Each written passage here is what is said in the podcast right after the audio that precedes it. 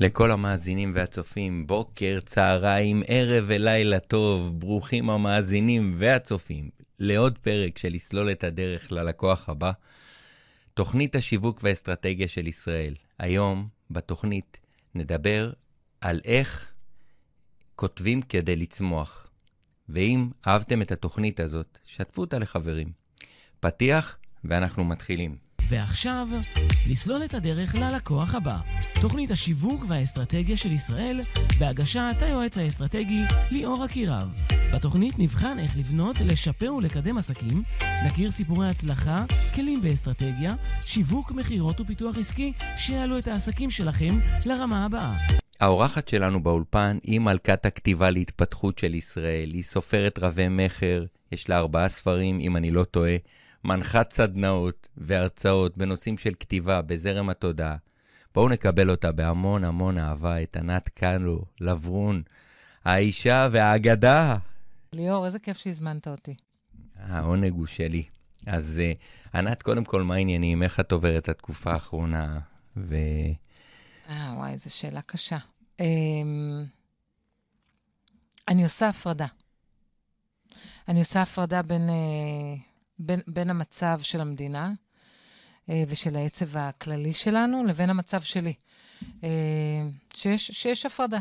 יש את החיים שלי, יש את החיים אה, המשפחתיים שלי, העסקיים שלי, ההתנדבותיים שלי, ויש את המצב שלנו כמדינה, כחברה. בפן אחד אני מאוד עצובה וכואבת, ובפן שני אני חיה את חיי, אני חייבת להגיד. אה, ואוהבת אותם, את החיים שלי. אז אני מנסה אה, להפריד שדות אה, ולשלב כשצריך, ולהצליח כן לעבור את היומיום בטוב. זאת המטרה שלי. איזה כיף, איזה כיף לראות מישהי עם אנרגיה טובה, שבטח הכתיבה יש לה חלק בזה, אבל עוד רגע אנחנו אה, ניכנס לזה. אולי תספרי ככה, אם החסרתי איזשהו פרט או משהו בזה, תדייקי קצת, ספרי קצת יותר על הספרים, על העשייה. אוקיי, okay. אז אני אגיד... אני אגיד שנפל לי הכיסא. אני אגיד ש... אני אגיד ש... אה, כתבתי ארבעה ספרים, שאני מעבירה סדנאות לכתיבת אה, רצף התודעה, ואני מנחה סדנאות בעמותת גדולים מהחיים. ומבחינתי, כל מה שאני עושה, לא משנה באיזה תחום הוא ובאיזה אה, דרך, זה בעצם אה, להנגיש לאנשים כלים שיכולים להביא אותם אה, להיות הגרסה שהם אוהבים, נקרא לזה, או להביא אותם למצוא יותר אה, אפשרויות להגשמה של עצמם בחיים האלה. אז זה לא משנה אם אני עושה את זה דרך הספרים, או דרך הסדנאות, אה, או דרך פודקאסטים, המטרה שלי זה שאנשים ידעו שיש בהם, יש בנו הרבה יותר ממה שאנחנו חושבים, ו... יש אינסוף דבר, דרכים שאנחנו יכולים להפתיע את עצמנו. ואני חושבת שלשם כך התכנסנו, אתה ואני גם, אה, וגם בכלל כולנו בעולם הזה, בשביל, בשביל גם להשאיר חותם, אבל אה, להכיר את עצמנו יותר לעומק, להפתיע את עצמנו ולגלות על עצמנו דברים. זה מה שאני חושבת. ממש, זה כל הזמן אתה מגלה, נפתח לך עולם שלם שאתה מגלה עולמות שאתה לא, לא מכיר. כל פעם, זה כל פעם עולמות חדשים. תגידי, איך המסע של ה, שלך עם הבת שלך, כאילו, זה היה מסע מאוד משמעותי. פעם שמעתי את ההרצאה שלך, אה, איך הוא קשור לעשייה שלך היום? המסע שלי עם הבת שלי, נראה לי שכבר כולם יודעים את זה, שלפני 20 שנה הבת שלי חלתה בסרטן, היא הייתה בת שנתיים וחצי, היום היא בת 22 אה, וחצי, כמעט 23. אמ, אני, כנראה שזו האבן דרך הכי משמעותית בחיים שלי. אה, ולכן, אה, כשאני מסתכלת היום על מה שקורה במדינה, וכולנו נורא נבהלים, ובאמת, קרה לנו אסון, לא, לא, לי באופן אישית, אבל קרה לרבים מאיתנו אה, אסון נורא. אה, ואני מצליחה לראות המון תקווה אה, בכל הדבר הזה, כי, כי גם אני לפני 20 שנה הייתי בטוחה שקרה לי אסון נורא, ובאמת קרה לי אסון נורא. זאת אומרת, זה לא ש... אני, אני לא מקטינה את זה בשום דרך. זה היה אירוע מטלטל. אה, אירוע כואב, זה היה אה, סכנה קיומית על החיים של הבת שלי. אה, וכנגז... במשך שנה וחצי, וכנגזרת מזה גם על חיי כל המשפחה שלי. ובכל זאת אני יודעת ש... שמהדבר הזה צמח, צמחו חיים ח... אחרים, זאת האמת. גם צמחו חיים חדשים, גם צמחו חיים אחרים, אה, גם צמחה ענת אחרת. ולכן אני יודעת ש... שתהיה פה צמיחה ותקומה מטורפת. אנחנו צריכים להיות סבלנים. אבל, אבל לא יכול להיות ש, שעברנו כזה הרס וכזה חורבן ולא תהיה פה צמיחה. זה כמעט התנאי היחידי וההכרחי לצמיחה אמיתית ומשמעותית, ואני יודעת שהמון פעמים אנשים נורא מתבאסים שאני אומרת את זה, אבל, אבל עד שלא לוקחים לנו כמעט את הכל, אנחנו לא מתעוררים. יש לי משתתפת שאומרת, אנחנו, היא מצטטת, כן, היא לא המציאה, היא אומרת, אנחנו עם קשה עורף. ואנחנו בכלל, אנחנו האנושות, אנחנו אנושות קשת עורף, ובשביל אה, לכופף אותנו, בשביל להוציא מאיתנו יותר, צריך לפעמים לשבור אותנו. ו... וככה זה עובד. אז כן, אז... להזיז לנו את הגבינה קצת, כן, כאילו. כן, זה לא קצת, אבל זה, זה, זה, זה, זה לקחת לנו את הגבינה. וכן, ו... והמסע שלי עם הבת שלי הוא זה ש... שגרם לי להגיד פוס משחק, זאת האמת. זה הרגע שאמרתי, אני לא מבינה כלום. והמון פעמים אני באה לאנשים ואני אומרת, אה, אנחנו נורא מפחדים להגיד שאנחנו לא מבינים, או אנחנו נורא מפחדים לגלות שאנחנו לא יודעים. זה, זה הרווח. הרווח הזה, אם אנחנו מצליחים לרגע אחד לשמור על אני לא יודעת, או אני לא מבינה, הפער הזה, זה המקום שנכנסים בו ניסים. זה, בפער הזה שאני לא יודעת, פה נכנס הנס. זה הרגע שאם אני מצליחה לתת לוואקום, שאנחנו יודעים שאין ואקום כמעט בטבע, אבל אם אני מצליחה לרגע לתת לוואקום הזה להיות, יכול להיות שאת את המקום שלו יתפוס משהו חדש, מדהים, מרגש. אה, וזהו, ככה אני רואה את הדברים. מאוד מאוד uh, מתחבר למה שאת אומרת. תגידי עוד שאלה לפני שאנחנו נצלול גם לתוכן שלך, אבל מעניין אותי דווקא לשמוע, נגיד, מה ענת אה, אה, ש, של היום לא עושה שהיא הייתה עושה כשהיית צעירה בתקופה של הבת שלך, ההתמודדות עם הבת שלך? מה ענת של היום לא עושה? מה זה אומר לא עושה? זאת אומרת, בוא נשאל את זה בכן. עושה אחרת, כן. מה ענת של היום כן. עושה אחרת? בוא נשאל את זה בכן. אה, לא, כי מה ענת של זה, אתה יודע, אני כן, גם... נכון, לא, מה כן ומה לא. יש בי גם צד ריאלי, יש בי גם צד ריאלי, אז אני אומרת מה ש... אוקיי. אוקיי. אז מה ענת של היום עושה אחרת? בא לי להגיד לך מה לא, אבל אני יודעת שזה לא נכון. אמ, אז אני אגיד ש... קודם כל, לא הייתי בן אדם כותב. בואו נתחיל מזה. זה כבר אני עושה, אני כותבת לעומת לא כותבת. זה, אני חושבת, דבר דרמטי.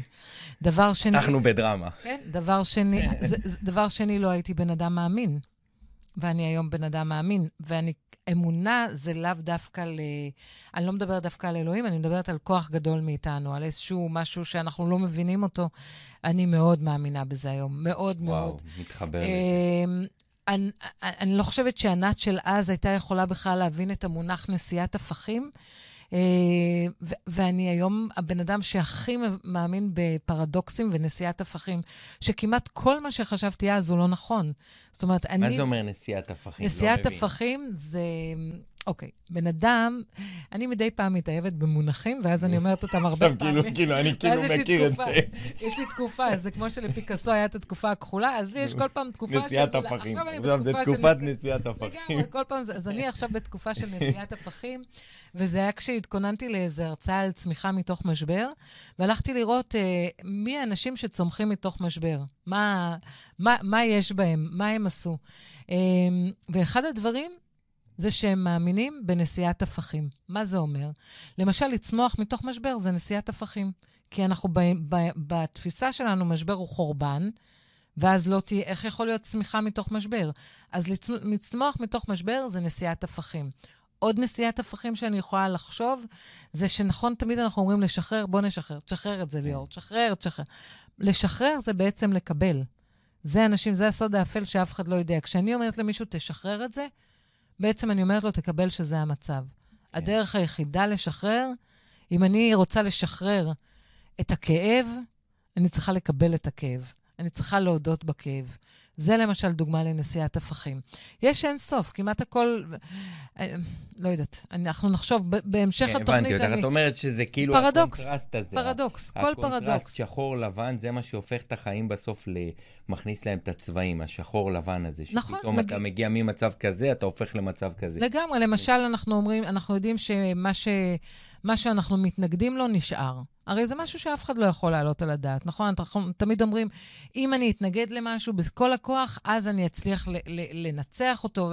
ואנחנו יודעים, מי שמתעסק בהתפתחות וצמיחה, ש- וגם מי שמתעסק כנראה בפיזיקה, שכעוצמת הכוח שאנחנו מפעילים, זה עוצמת ההתנגדות שאנחנו נקבל. ולכן, זה, זה נשיאת הפכים. בשביל, בשביל להתנגד למשהו, אין מה, זאת אומרת, כשאנחנו מתנגדים למשהו, נשאר. אנחנו רוצים שהוא ילך. נכון. בסוף כן, כל מה שאנחנו מתנגדים אליו, אנחנו מקבלים אותו בעוצמה יותר חזקה. אנחנו מפעילים הפכים. כוח בסוף. אנחנו יופי. צריכים, זה... בשביל להתנגד, אנחנו צריכים להפעיל כוח התנגדות גם. זה נשיאת הפכים. אה, מעולה. אז אה, תספרי לנו, מה מיוחד... בא לי לשאול אותך, נו, למה הזמנת אותי? למה הזמנתי אותך? כן, למה הזמנת אותי?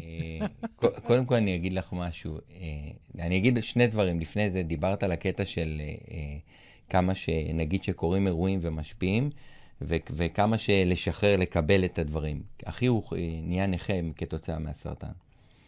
וכשראיתי אותו בהתחלה, את יודעת, בהתחלה היינו מרחמים עליו, שהוא נכה וזה. ולאט לאט פתאום אתה מבין, וואי, זאת המציאות. אין לך עכשיו, בהתחלה היינו מנסים, כן, ננסה, הוא ילמד ללכת, הוא זה, כאילו מנסים לדחוף אותו בכוח. ולאט לאט, כאילו, הבנו שוואלה, זאת המציאות, ואיזה כיף, תראו, מחייך, הוא שמח, הבן אדם מאושר, הבן אדם הכי מאושר בעולם. ואז הבנתי מה זה באמת לקבל את המציאות. לפעמים אנשים מנסים לשנות את המציאות שהם לא יכולים לשנות אותה. אי אפשר לשנות כל מציאות. אפשר לקבל את המציאות ולהמשיך ממנה הלאה. אז זה לגבי זה. למה הזמנתי אותך? כי אני רואה, אני רואה שקודם כל את משפיעה על הרבה אנשים בהקשר של הכתיבה. וממש, כולם עפים עלייך. ענת קלו לברון, מותג, זה מותג. כולם, בטח. שאלתי את השאלה הנכונה, כן.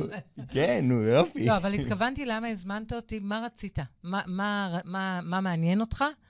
אני, אני פעם, גם הייתה לי הרי אה, תוכנית רדיו, יודע, ברדיו כן. מהות החיים. הייתי מזמינה רק אנשים שהיו מעניינים אותי. רק מה, מי שמעניין. רק, רק מי שמעניין אותי. חד משמעית. ומי שיכול ללמד אותי משהו. נכון, נכון. אז מעניין אותי, מה רצית ללמוד ממני? זה, תראי, זה מעניין. קוד, קודם כל, אה, אה, א', את מעניינת. דבר שני, אני מאוד מאוד מתחבר לקטע של הכתיבה. אני לא מצליח ליישם את זה, אבל אני מאוד מאוד מתחבר ל, לעניין הזה, כי אני יודע שקצת כתבתי, הייתה תקופה שהייתי עושה פלואו כזה, שהייתי כותב כל בוקר.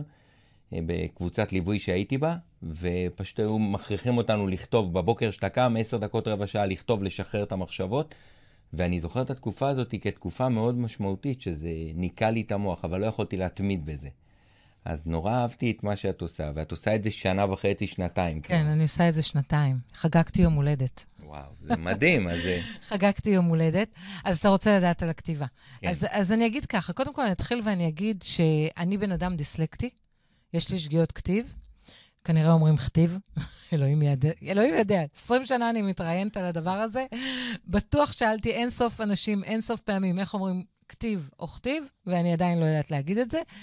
נסגור על כתיב, ואני לא יודעת לשים פסיקים, נקודותיים, ונק... אני לא יודעת לכתוב. בקיצור ולעניין, בואו נסכם את זה נורא נורא מהר. אה, וזה היה מה שהגדיר אותי כל החיים. זה היה עקב אכילס שלי, זה מה שפחדתי ממנו כל החיים. אני פחדתי שמי שיגלה את זה שיש לי שגיאות כתיב, ואני לא יודעת, ואני כותבת עילג, אה, זה יהרוג אותי. אז אנשים יעזבו אותי, אז אנשים לא יאהבו אותי, והכתיבה הייתה הדבר שהכי שנאתי אותו והכי פחדתי ממנו. כשהבת שלי הייתה חולה, היה לי רגע אחד מאוד מאוד דרמטי, שבו... אפרופו פרדוקסים, בואו נדבר רגע על הרגע הכי נמוך בחיים. אוקיי? זה פרדוקס, נשיאת הפכים. הרגע הכי נמוך בחיים זה, הנה, זה יהיה המשפט שאתה תגזור. רגע, שנייה, אז חכי, אז שימי את הפריים עלייך, נו. זה יהיה המספר, המשפט. הרגע הכי נמוך בחיים הוא לעולם גם הרגע הכי גבוה בחיים.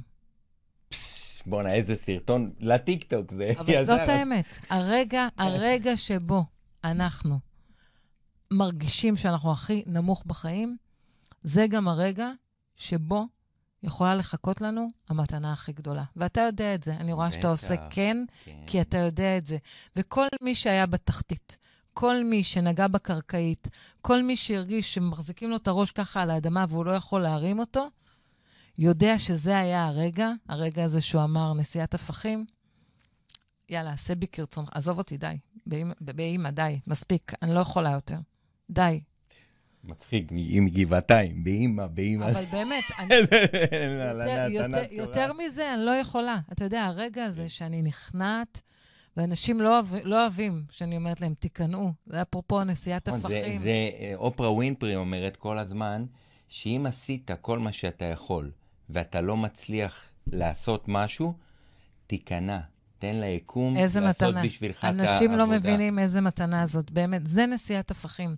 כשאנחנו, כשאני אמרתי, אני לא יכולה יותר, הכניעה הזאת, הרגע הזה, זה הרגע הכי גבוה בחיים שלי.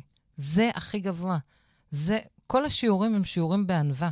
בוא, כן, בוא גם נגיד. נכון, נכון. זה, זה, מה זה ענווה? ענווה זה לבוא ולהודות, אני לא יכולה יותר. ניסיתי, באמת עשיתי הכל, אבל זהו. אז באמת תעזבו אותי. ויומיים אחרי זה קיבלתי את הכתיבה. יש משפט שאומר, אחרי ההכנעה תגיע ההמתקה. כן. אחרי שאנחנו נכנעים, מגיעה ההמתקה. ואחרי יומיים באתי הביתה, פתחתי את המחשב, והתחלתי לכתוב, כמו משוגעת. כאילו, כל החיים שלי כתבתי, זה היה באמת אחד הדברים הכי מדהימים שקרו והכי בלתי הגיוניים. והכתיבה הצילה את החיים שלי. הכתיבה, שכל כך פחדתי שתהרוג אותי, שכל כך פחדתי שאם יגלו, אם מישהו יקרא משהו שאני כותבת, הוא יפסיק לדבר איתי. היא זו שבסוף הצילה אותי. היא הצילה את החיים שלי, ו- ואני אגיד רגע למה היא הצילה. נעזוב את זה שזה, המצאתי את עצמי מחדש, והפכתי להיות סופרת, ו- ו- וכל מי שאני היום זה מהרגע הזה, שבו אני פותחת את המחשב, ובלי לדעת למה, כותבת, הכל היה מושלם, לא יודעת, לא מבינה בכלל מי עושה את זה, ומתחילה במשך חמש שעות לכתוב בלי הפסקה. זה הרגע שבו כל החיים שלי משתנים ואני אפילו לא יודעת את זה. זה רגע שאתה יודע, כולם אומרים איך זה נראה, ככה זה נראה. אבל כשאנשים צומחים ממשבר, זה בגלל שהם מצליחים לאבד את הסיפור שלהם. זה בגלל שהם מצליחים להכיל אותו. זה בגלל שהם מצליחים להחזיק אותו. זה בגלל שהם מצליחים לתת לו התחלה, אמצע וסוף. יש משהו שהם יכולים להחזיק. מתי אנחנו בטראומה, בפוסט-טראומה? כשזה מנהל אותנו. נכון. כשאנחנו לא מבינים למה, ואנחנו לא מבינים איך. ואני, מחמישה חודשים בערך אחרי שהבת שלי חלתה, כל יום הייתי מחכה הביתה לבוא לכתוב.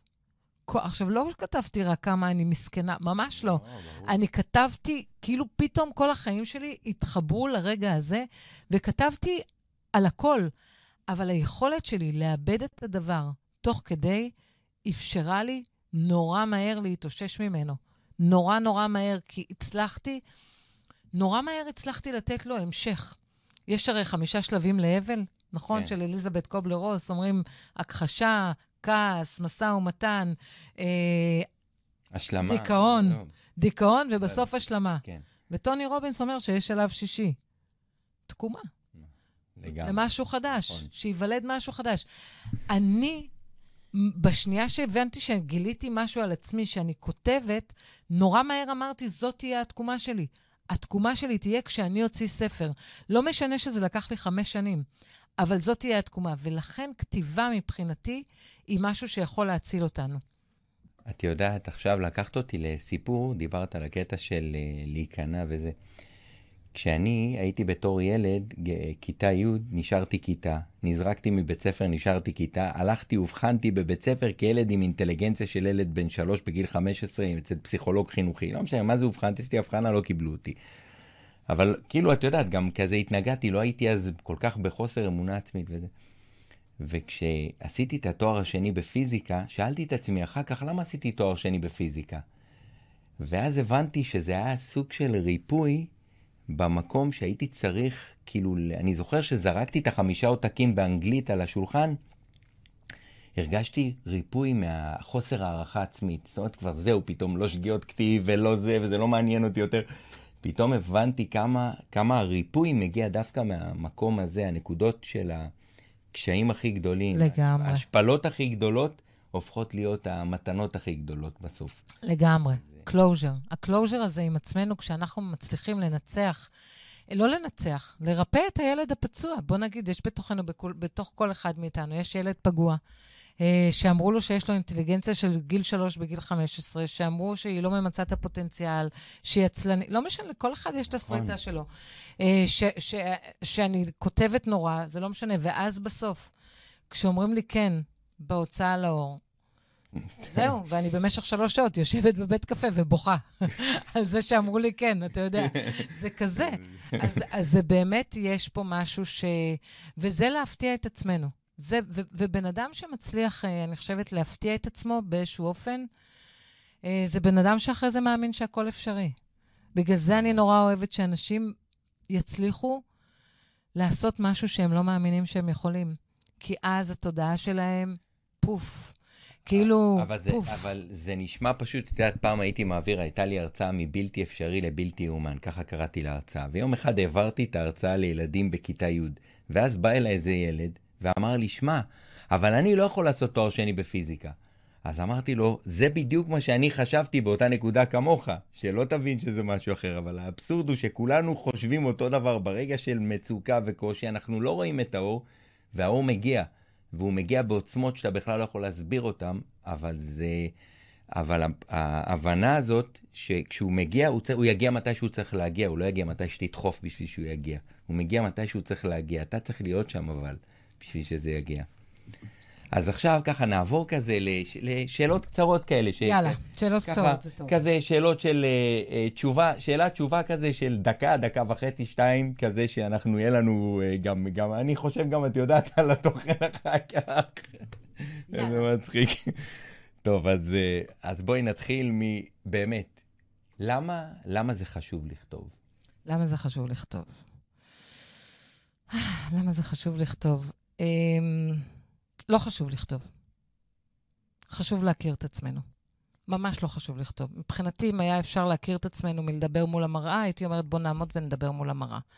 אין כלי שמחבר אותנו לעצמנו יותר מאשר כתיבה. היום העברתי פעם ראשונה סדנה של כתיבת זרם התודעה בארגון.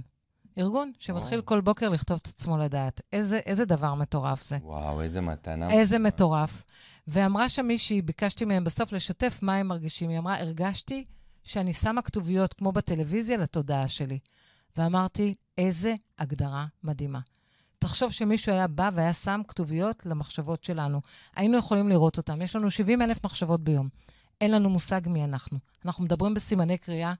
אנחנו כל הזמן, כל דבר, תראה, כל דבר שאנחנו מצליחים להוריד אותו לכתב, הוא משנה את הגודל המפחיד שלו. אוקיי? לא משנה אם זה דאגות, לא משנה אם זה פחדים, לא, לא משנה מה אנחנו מסתובבים. כשאנחנו שמים דברים על הדף, משהו נכנס לפרופורציה. אני יכולה להתעורר בבוקר ולהגיד, יואו, יש לי יום שלוש סדנאות, ואחרי זה אני מתחילה עם ארגון, ואחרי זה יש לי ארבע שיחות, ואחרי זה אני הולכת לליאור. באמת זה היה היום שלי. יום אוקיי. מטורף.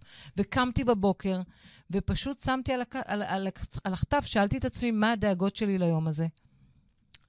עכשיו, זה לא יאומן. אנשים, יש להם איזו אמונה שאם הם יכתבו מה הדאגות שלהם, הם יהפכו ליותר מודאגים. וזה כל כך הפוך. זה כל כך הפוך אם נכתוב רגע מה הדאגות שלנו, ונשאל את עצמנו מה עוד מדאיג אותנו, ומה עוד מדאיג אותנו, תנסו את זה. ומה עוד מדאיג אותנו? בשאלה הרביעית לא יהיה לנו מה שידאיג אותנו, ואז נגלה, אה, רק זה מה שמדאיג אותי. זה כל כך מעט. במה אני דואגת? וכשאתה על הכתב, כשאנחנו כותבים, יש לנו את היכולת, נכון, יש את הקלישאה הזאת, change your, change your story, change your life. לגמרי. תשנה את הסיפור שלך, תשנה את החיים שלך. אף אחד לא יודע מה לעשות עם זה. מה עושים? איך? מה? מה? כשאנחנו כותבים, אנחנו באמת יכולים לשנות את הסיפור. הוא משתנה תוך כדי, כי כשאנחנו כותבים, אנחנו עוקפים את הקוגניציה ומגיעים איכשהו לתת-מודע. וכשאנחנו מגיעים לתת-מודע, הוא מתחיל לספר לנו סיפורים חדשים, הוא מתחיל לתת לנו תשובות חדשות, הוא מתחיל לתת לנו תשובות, זה המדהים. אתה יודע, היום בבוקר באמת כתבתי מה הדאגות שלי, והיו לי דאגות. וזה כאילו נשמע דאגות זה מצחיק, זה כאילו לא נעים לי, זה כמו אנשים שמתבכיינים על דברים טובים, אתה כן, מכיר כאילו. אותם? זה אני. צרות של עשירים. זו אני, כן, כאילו, יואו, קמתי מודאגת. קמתי מודאגת, היו כן, לי היו- שלוש כן. סדנאות, מכרתי אבל סדנה לגמרי, לארגון. אני- לגמרי, זה כאילו זה הקוטרים המעצבנים האלה, אני משתגעת. אבל באמת קמתי מודאגת, אני שמחה שאני נראית מודאגת גם, את. נראית, נראית מודאגת. ואז פתאום בכתיבה אמרתי לעצמי, תראי איזה יופי, זה דאגות של צמיחה.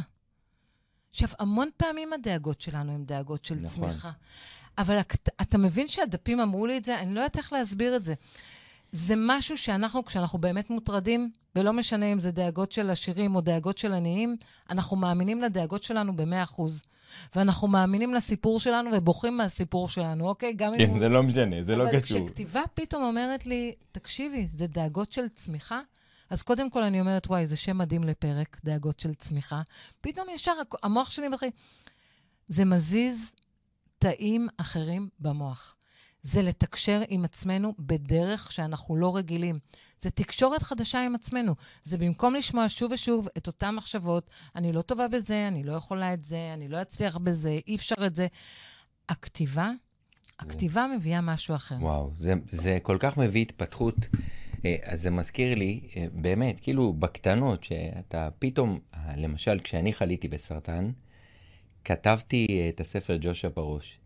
והיה אצלי חבר ואמר לי, שמע, ליאור, אתה חייב לעשות משהו עם הסרטן, אתה חייב לעשות איתו משהו. ואיזה שנתיים אחרי הזרע הזה הפך להיות ספר. ו... ובאמת, כל, ה, כל השלב הזה של, ה, את יודעת, כאילו, הכתיבה, ה, לקרוא את זה עוד הפעם ולחשוב על זה, והמחשבות על מה שאתה כותב, לא משנה מה אתה עושה, עצם זה שאתה משחרר את הזה, אתה חווה ריפוי. לגמרי, אתה מאבד את החוויה, וזה לא, אני חושבת שזו דוגמה מדהימה. כי לאבד, כי הדרך לצמוח, מ, מ, לצמוח ממשבר זה לאבד את החוויה. כי כשאנחנו מאבדים אותה בעין, אנחנו גם מאבדים אותה באלף. היא, היא עוזבת אותנו, היא מרפה מאיתנו, האחיזה הזאת, כשאנחנו מצליחים לאבד, וזה לא משנה אם אתה כותב ספר ילדים, אם אתה כותב שיר, אם אתה כותב ספר מבוגרים, אם אתה מצייר ציור, זה עיבוד של החוויה. אתה מאבד את החוויה בעוד דרך, אתה מוריד אותה, אתה מוציא זהו. אותה לאיזשהו זה, אז, מקום. זה סטייל כזה, אז כמו שאני ככה רואה את הדבר הזה, נגיד שהלכתי לפסיכולוגית, אז מבחינתי אני משחרר את המחשבות שלי, אני מדבר, מדבר, מדבר, מוציא את כל הרעשים מבחוץ. עצם זה שאני מוציא אותם, אני חווה ריפוי. זאת אומרת, זה ונטילציה בעצם, מה שאת אומרת. נכון, אבל אני לא רוצה להגיד משהו לא יפה על פסיכולוגים. לא, לא, אין לי מה להגיד. או, מה לא, לא, לנו? אין לי מה להגיד, רק אני חושבת ש... אין לי מה להגיד, זה ממש כן. לא, אני הלכתי שנים לפסיכולוגית, נכון. בני. משפחתי הולכים, אבל אני, זה לא על פסיכולוגים, זה על דיבור, אוקיי? אוקיי. כי גם לדבר אצל, אצל פסיכולוגים, אוקיי, אני יכולה להגיד לך שבנות שמשתתפות אצלי בסדנה, כולן אומרות את אותו דבר. זה הטיפ... וזה לא אני, ובגלל זה אני מרשה לעצמי להגיד את זה. זה הטיפול הכי טוב שעברתי בחיי. כי לכתוב זה לא לדבר. כשאנחנו הולכים לפסיכולוג, אנחנו עדיין מדברים. אנחנו עדיין מדברים את אותן מחשבות באותה דרך. אבל כשאנחנו כותבים, זה לא... הרי כשאתה רוצה מבן אדם התחייבות, מה אתה אומר לו? תן לי את זה בכתב, נכון? אוקיי. נגיד אני אה, אומרת לך, אוקיי, מה כן. אתה אומר לבן אדם? הוא אה, אומר, אני רוצה לקנות את כן. האוטו שלך, מה נכון. אתה אומר לו? בוא נעשה זה זיכרון בכתב. דברים. למה תן לי. את זה בכתב? למה, כן. לא, למה בכתב זה יותר שווה מבעל פה? כי זה חתימה, יש פה את ה... כי זה משהו שנשאר, מוחשי, זה אוקיי. משהו פיזי, זה, ואותו דבר המחשבות.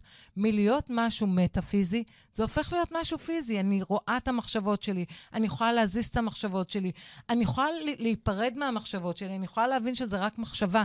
יש פה משהו כשאנחנו כותבים ואנחנו מאבדים שהוא אחרת מדיבור, והוא אחרת ממחשבה. וזה מעניין שאתה אמרת לי שעכשיו נעבור לשאלות הקצרות, כי אני רוצה להגיד לך שלי אין תשובות קצרות. אה. אז...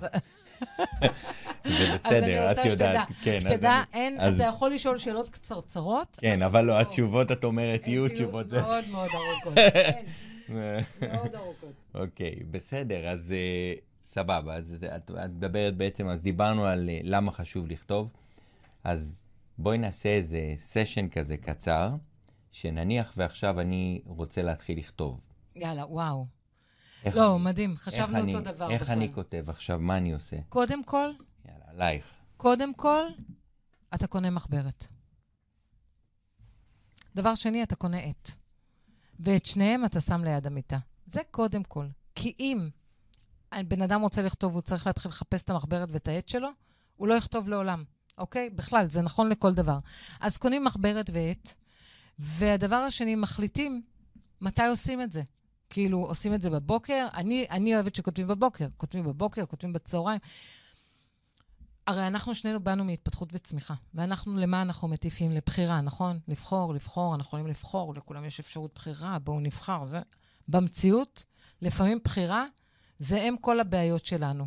כי אם אני צריכה... יותר מדי בחירה, גם זה מבלבל. נכון. את יודעת, אגב, סליחה, אני נכנסתי... איזה הפרעות קשב. לא, נעשה. אין. לא, אבל נעשה, זה שיח, זה שיחה. זה מדהים, שיחה, כן. תקשיבי. אה, אז אני רוצה להגיד לך שגם בשיווק ומכירות, נגיד שאתה נותן יותר מדי אפשרויות, אתה מבלבל את הלקוח. לגמרי. וגם את הראש שלנו, בסוף אנחנו מוכרים לעצמנו רעיונות. אם אני נותן לעצמי יותר מדי מקסים. אפשרויות, לגמרי. אני מבלבל את המוח. אני פשוט לגמרי. מתחיל ללכת לאיבוד. לגמרי, זה מדהים, כן. כן. למדהים.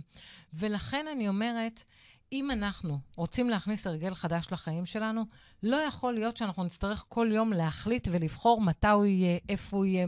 זה חייב להיות בזמן קבוע, זה חייב להיות במקום קבוע, זה חייב להיות, לא יודעת, ליד המיטה, איפשהו. כי אם אני אצטרך כל יום להחליט, רגע, אז אני עכשיו כותבת היום, או שאני לא כותבת היום? ברור שאני לא אכתוב. ברור, ברור שאני לא אכתוב. למה, למה נשים באות לכתוב איתי? כי, כי איך הם אין להם? ברירה כבר, זהו, כן. זה הם בתוך איך הסיסטם. הם יכתבו? איך, איך הם יתחילו בוקר אחד לכתוב? ואני, אני כמו רוטוויילר, אני לא משחררת. לא משחררת. מי שבא, אין מצב שהיא לא תכתוב. באמת, אני אומרת, אין, חבל על הכ... לכי, ביי. אם לא באת לכתוב, עזבי. באמת, אני לא רוצה. אני אנשים שיבוא, שבאים, באים לכתוב. אבל כמה זמן הם כותבים איתך? רבע שעה. לא, כמה, כמה זמן בטווח של uh, תקופה? באיזה תקופה הם מחויבים לכתוב? ארבעה שבועות, יום, יום, יום, יום, יום, יום, יום, יום, יום. מינימום 21 יום, ככה זה עובד. וואו. ארבעה שבועות יום יום יום. וגם אני אומרת להם בהתחלה, אין, את, אתם נשבעות לעצמכם שאתם לא עוזבות בארבעה שבועות. אבל, אבל נגיד שלבן אדם יש מחברת ויש לו עט. איך מתחילים לכתוב? הרעיון הוא לכתוב כל מילה וכל משפט שעובר לנו בראש. זהו. אין, אין, לא לעצור, ואני יודעת שזה נורא קשה להבין את זה, אבל זה כאילו לשבת פה, לא כאילו, זה לשבת פה ולהגיד, אם יש משהו, נגיד, אני באתי לפה בדרך ואמרתי, יואו, אני צריכה להוציא לינקים היום, והוצאתי עכשיו סקר, ואני רוצה להוציא גם את המילים, ורציתי לשלוח... ככה, זה, ככה, נראה, ככה נראה דפי בוקר, ככה זה נראה. זה, זה בדיוק כמו שהמחשבות שלנו, קופץ ממקום למקום, מדבר לדבר, מאסוציאציה לאסוציאציה. לפעמים נשים אומרות לי, וואי, הדפי בוקר שלי היו נורא מבולבלים. אני אומרת, אם הם מסודרים, משהו לא בסדר. איך יכול להיות דפי בוקר מסודרים? המחשבות שלנו מסודרות? לא. הן לא מסודרות. אני יכולה להגיד, אה, וואי, נגיד אם אני עכשיו הייתי כותבת דפי בוקר, הייתי אומרת, וואי, מה מטריד את ליאור? על מה הוא חושב? מה הוא רוצה עוד להספיק? מה זה? מה אני רוצה להגיד? על מה אני רוצה לדבר? מה חשוב לי לדבר? יואו, לא הספקתי להגיד את זה, אני חושבת שככה זה דפי בוקר. זה פשוט לכתוב כל דבר שעובר לנו בראש. ואיכשהו נהיה קסם. אני לא, תראה, אני לא יודעת להסביר איך נהיה הקסם, אבל אני יודעת שיש משהו בכתיבה שאנחנו נכנסים אה, סוערים ואנחנו יוצאים רגועים. אנחנו יוצאים מבולבל, אנחנו נכנסים מבולבלים ואנחנו יוצאים מסודרים. אנחנו יוצאים, אנחנו נכנסים אה, מודאגים ואנחנו יוצאים רגועים. יש משהו בכתיבה שעושה לנו פרוז'קטור מהבהב. יש משהו, ב... יש משהו בכתיבה שעושה סדר, שעושה סדר ועושה שקט ומרגיע ונותן תחושה של שליטה. כי כולנו מחפשים את השליטה, וזה באמת שליטה. כי במקום שהתודעה שלנו תשלוט בנו, אנחנו מצליחים לשלוט בתודעה שלנו. מערכת היחסים הזאת, שהתודעה שלנו רק שולטת בנו, ורק מפעילה אותנו, ורק מדברת איתנו, הופכת להיות הדדית. וגם אנחנו יכולים להשפיע על התודעה שלנו, לשלוט בה, לנהל את הדו-שיח, לשנות את הדעה שלה. נהיה פה מערכת יחסים עם עצמנו. אני לא יודעת אם אתה מכיר, ראית את הסרט uh, The Tools? עם הפסיכיאטר הזה, פיל סטאט. לא. טוב, קודם כל סרט מדהים. כל מי שלא ראה, לרוץ, לרוץ, לרוץ לנטפליקס, לראות סרט מדהים.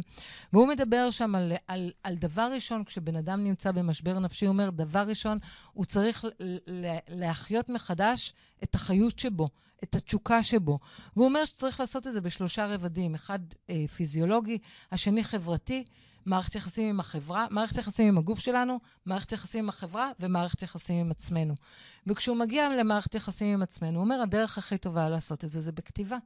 בכתיבה מגיעים למערכת יחסים חדשה וטובה עם עצמנו.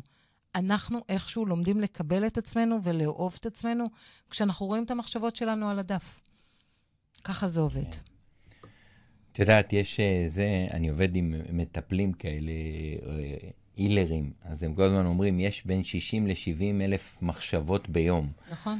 עכשיו, אה, גם ככה אנחנו נגיד, בן אדם נחשף ביום לאיזה מסרים, בין 60 ל-70 אלף מסרים פרסומיים כל יום, בכל הפלטפורמות שהוא הולך. הוא נוסע ברכב, הוא רואה פרסומות של אה, רכבים ושלטי חוצות ואנשים עם מותגים, עם זה. 60-70 אלף, כמה רעש זה מכניס לנו לראש היום. אנחנו חיים בעולם שהוא פשוט מפוצץ לנו את המוח. אז זה כאילו צריך למצוא את הדרך לרוקן את ה... את ה לגמרי. לרוקן ב- את הקופסה, מה שנקרא. לגמרי, ואני רוצה להגיד משהו, כי כאילו פתאום אני מבינה באיזה... מה, מה, מה המטריה של הפודקאסט הזה שלך, שאני מבינה שזה בדרך ללקוח הבא. זה נכון? שיווק ומכירות, אוקיי, כן, אבל שיווק, אסטרטגיה, אוקיי, כן. אז, אז אני רוצה להגיד משהו. אני, אני רוצה להגיד משהו שהוא... אה, שאני מניחה שאמרת אותו כבר בכל תוכנית, בכל דרך אפשרית, אוקיי? בעיניי הדרך ל- ללקוח הבא, ואני יכולה, יכולה להסתכל על זה על עצמי, אוקיי? שאני מבחינתי לפני שנתיים עברתי פריצת דרך מטורפת, בלי לדעת את זה. כשאני החלטתי לקום ולעשות סדנאות לכתיבת רצף התודעה, אה, בכלל לא חשבתי שזה יהיה העסק שלי, בכלל לא חשבתי על המילה עסק. אה, אה, תשאל אנשים, היו אומרים לי עסק, הייתי אומרת, לא, אני לא, אין לי עסק, אני... כאילו, זה היה הדבר שהכי מטריד אותי, להגיד עסק. ו, והדרך היחידה להצליח, היחידה, זה לשאול מה אני הולכת לתת. הערך, מה אתה נותן לעולם, הדרך זה הדרך היחידה לקבל. היחידה. אין, מה זה נשיאת הפכים? זה נשיאת הפכים. בדיוק, אתה נותן, אתה בסוף מקבל, כאילו. רק מה אני הולכת, זה לא מעניין. ככה הצלחתי נכון. להוציא את הספר הראשון שלי, ככה הצלחתי להוציא את הספר השני שלי, ככה אני מצליחה לכתוב פוסטים. כי כשאנחנו מרוכזים במה אנחנו הולכים לקבל, זה, זה שיתוק, זה לא עובד.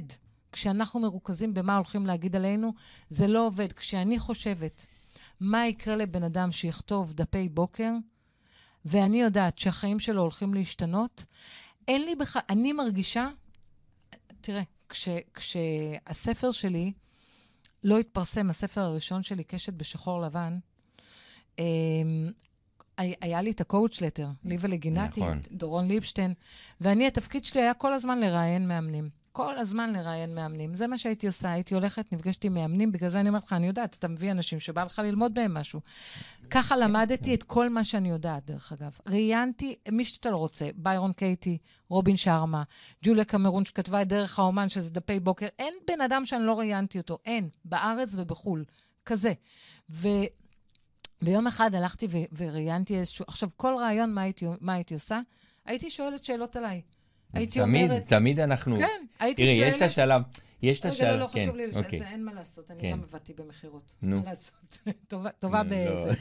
טובה. טובה בלא לסטות. What you resist, persist. וכל פעם שהייתי הולכת לראיון, הייתי אומרת, איך אני אלמד את הכלי הכי טוב? עד עכשיו, דרך אגב. אני אנסה אותו עליי. הייתי הולכת לראיין את ביירון קייטי, הייתי אומרת, בואי תעשי עליי את העבודה. ויום אחד ראיינתי איזשהו מאמן, ותמיד שאלתי שאלות על הספר שלי שלא יצא לאור. ויום אחד הוא שאל אותי שאלות של, של אימון, והוא אמר לי, אמ, על מה הספר שלך? אמרתי לו, הספר שלי על, אה, על, על אישה שמתמודדת עם זה שהבת שלה הייתה חולה בסרטן, זה היה הספר שלי הראשון, עוד לא כתבתי על התפתחות וצמיחה. ואז הוא אמר, אה, מי מחכה לספר שלך? ואני כאילו אומרת בלב, הוא מסתלבט עליי? מי מחכה לספר שלי? אז הוא אומר, אה, באיזה זכות? אני אומרת, לא הבנתי, מה באיזה זכות? הוא אומר, באיזה זכות? באיזה זכות את לא מוציאה את הספר הזה? את יודעת כמה אנשים מחכים לו? אני כאילו אומרת, הבן אדם מסתלבט עליי. הולכת הביתה, אחרי כמה שנים יצא הספר שלי. שבועיים אחרי שהוא יצא, מתקשרת אליי אימא של ילד שהיה חולה בסרטן. מתקשרת, ואחותה מתקשרת אליי, אומרת, אחותי קוראת את הספר שלך, היא חייבת שתבואי לבקר אותה בבית חולים. אני נוסעת לבקר אותה בבית חולים, קוראים לה רינת, היא יודעת, היא כתובה בספר, בתכלס, זה הפרק המסכם, אני חושבת, של הספר. ואני באה לבקר אותה, ואחרי שאנחנו מדברות שעתיים, היא מלווה אותי, והיא אומרת לי, תגידי, מה שלום הבת שלך? אני אומרת לה, מעולה. היא מסתכלת עליי, כאילו, לא אומרים מעולה. אנשים שהילדים שלהם היו חולים בסרטן, הם לא אומרים מעולה. אז אני אומרת לה, מה? אז היא אומרת, אה, את, איך את לא מפחדת להגיד מעולה? אז אמרתי לה, תקשיבי, עבר כבר מלא זמן. עברו כבר שש שנים מאז שהבת שלי הייתה חולה. אז היא אומרת לי, וואי, איזה גאון את. אמרתי לה, איך זה קשור לגאון? אז היא אומרת לי, איך זכרת כל מילה וכל משפט שאמרת לפני חמש שנים? אז אמרתי לה, נראה לך? חמש שנים הספר שלי היה במגירה. אז היא מסתכלת עליי ואומרת לי, באיזה זכות? Mm-hmm. באיזה זכות השארת את הספר שלך במגירה חמש שנים? את יודעת כן. כמה אנשים חיכו לו? ואני רוצה להגיד על הדבר הזה שני דברים. אחד, באיזה זכות אנחנו לא עושים את מה שבאנו לעשות בעולם. לכולנו, לכל אחד יש פה תפקיד. לכל אחד יש מה לתת. וכשאנחנו, פעם שמעתי מישהו מסביר לי את זה, מה זה צניעות, מה זה ענווה ומה זה גאוותנות. כשאנחנו בענווה, אנחנו עושים את התפקיד שבאנו לעשות. אנחנו לא שואלים שאלות, יש לנו תפקיד ובאנו לעשות אותו. כשאנחנו בגאוותנות, אז אנחנו אומרים, לא, לא יאהבו אותי, יגידו שזה לא טוב. אנחנו חושבים על עצמנו. אז באיזה זכות אנחנו לא עושים את התפקיד שלנו? ואני אומרת לך שאני היום, כשאני, ש... תשאל, כל בן אדם שתשאל, מישהו היה אומר לי לשווק, הייתי אומרת לו, נראה לך? אני לא אכתוב פוסט אחד שיווקי. היום אני אומרת לעצמי, באיזה זכות אני לא משווקת? כשאני יודעת מה הסדנה שאני עושה, עושה לבני אדם, באיזה זכות אני לא משווקת? זה הפוך. ולכן, כשאנחנו יודעים מה הערך שלנו, אין שיחה, אין שיחה על שיווק.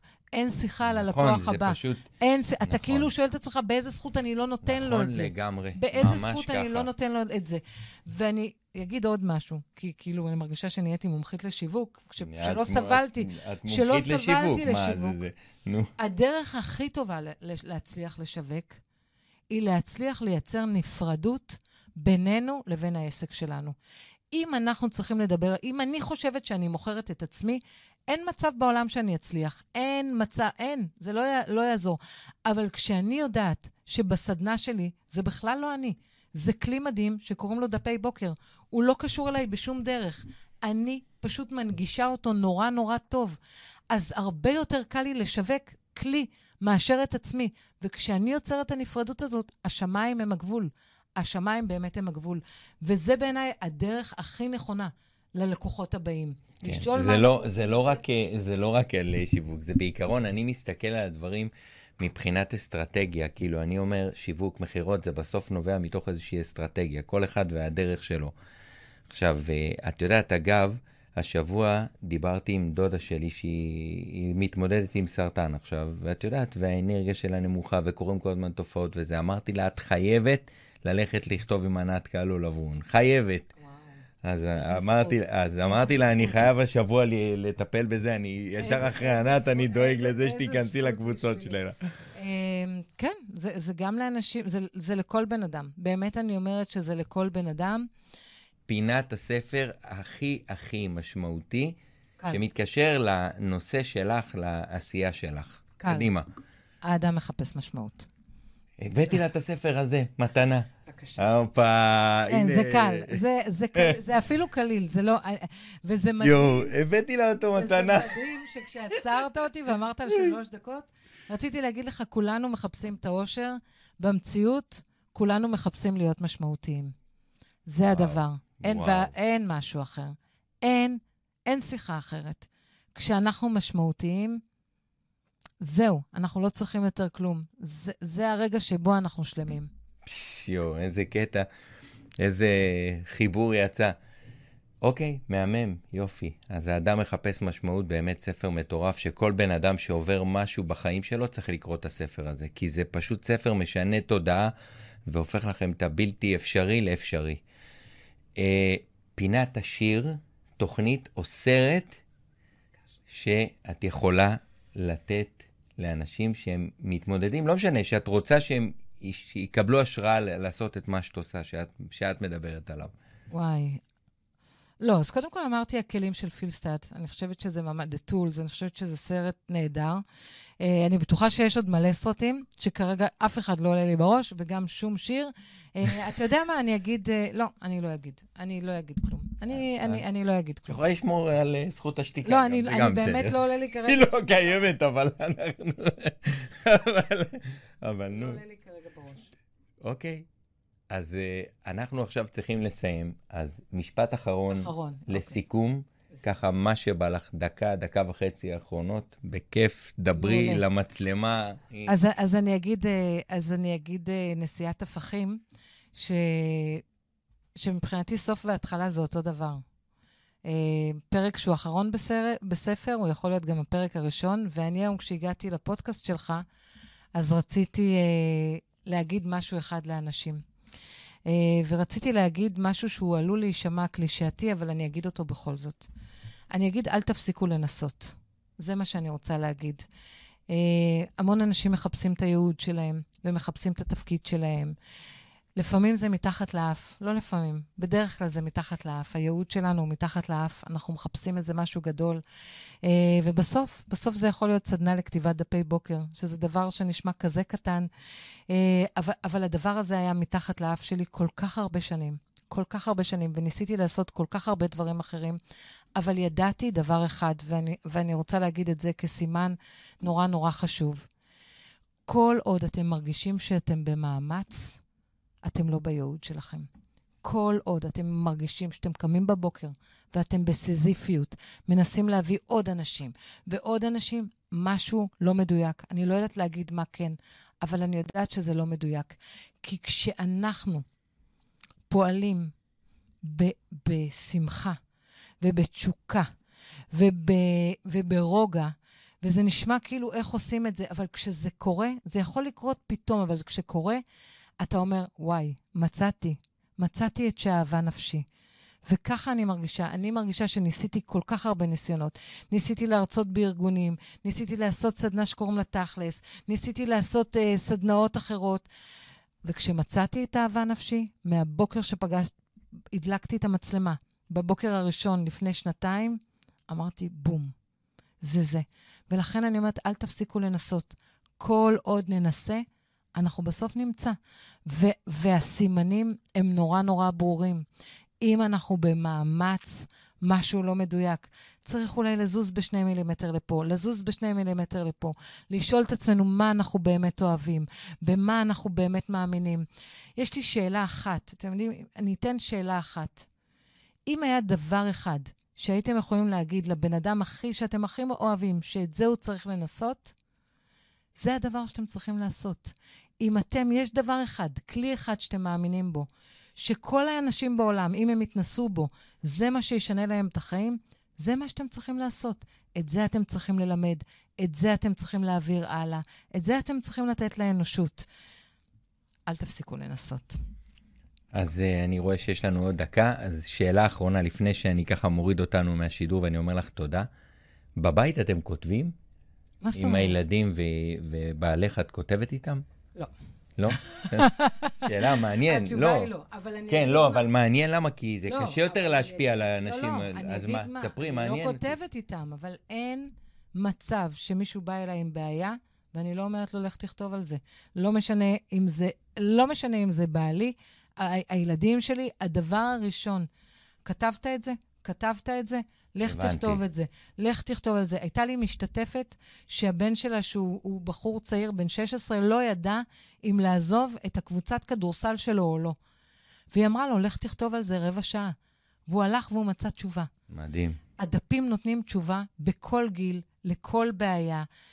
דברים שאנחנו לא מסוגלים להח... להחזיק באוויר, הדף מסוגל להחזיק וגם להכניס לפרופורציה המתאימה.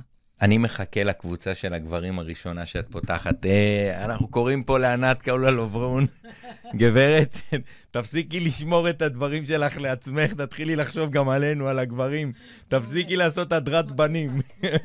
אנחנו רוצים גם קבוצה. נועם, תרשום בתגובות שגם אתה רוצה קבוצה. הוא בדיוק הוא כתב לי בקבוצה בוואטסאפ, אז, מעולה. אז, אז זהו, אז אני רוצה להודות לך, ענת, שבאת לפה היום. תודה רבה, היה כיף לשמוע אותך, איזה אנרגיה. האנרגיה היא שלך, זה רק השתתפות, זה מצחיק. אנרגיה. אני הגעתי עם אנרגיה מה זה נמוכה, אתה יושב פה באורות ואתה אומר לי איזה אנרגיה יש. לא, אנחנו באורות מהאולפן, זה לא לא, קשור. לא, זה האורות שלך, זה האורות שלך. בסדר, אז uh, אני ככה כמה מילים לסיכום, וזהו. אז תודה רבה שהאזנתם וצפיתם בתוכנית השיווק והאסטרטגיה של ישראל, לסלול את הדרך ללקוח הבא. היום אירחנו את ענת קלו לברון, המדהימה, מלכת הכתיבה להתפתחות של ישראל. אם אהבתם את הפרק הזה, תתייגו, שתפו חבר שזה יכול לעזור לו, שיהיה לכם יום מקסים. אוהב אתכם.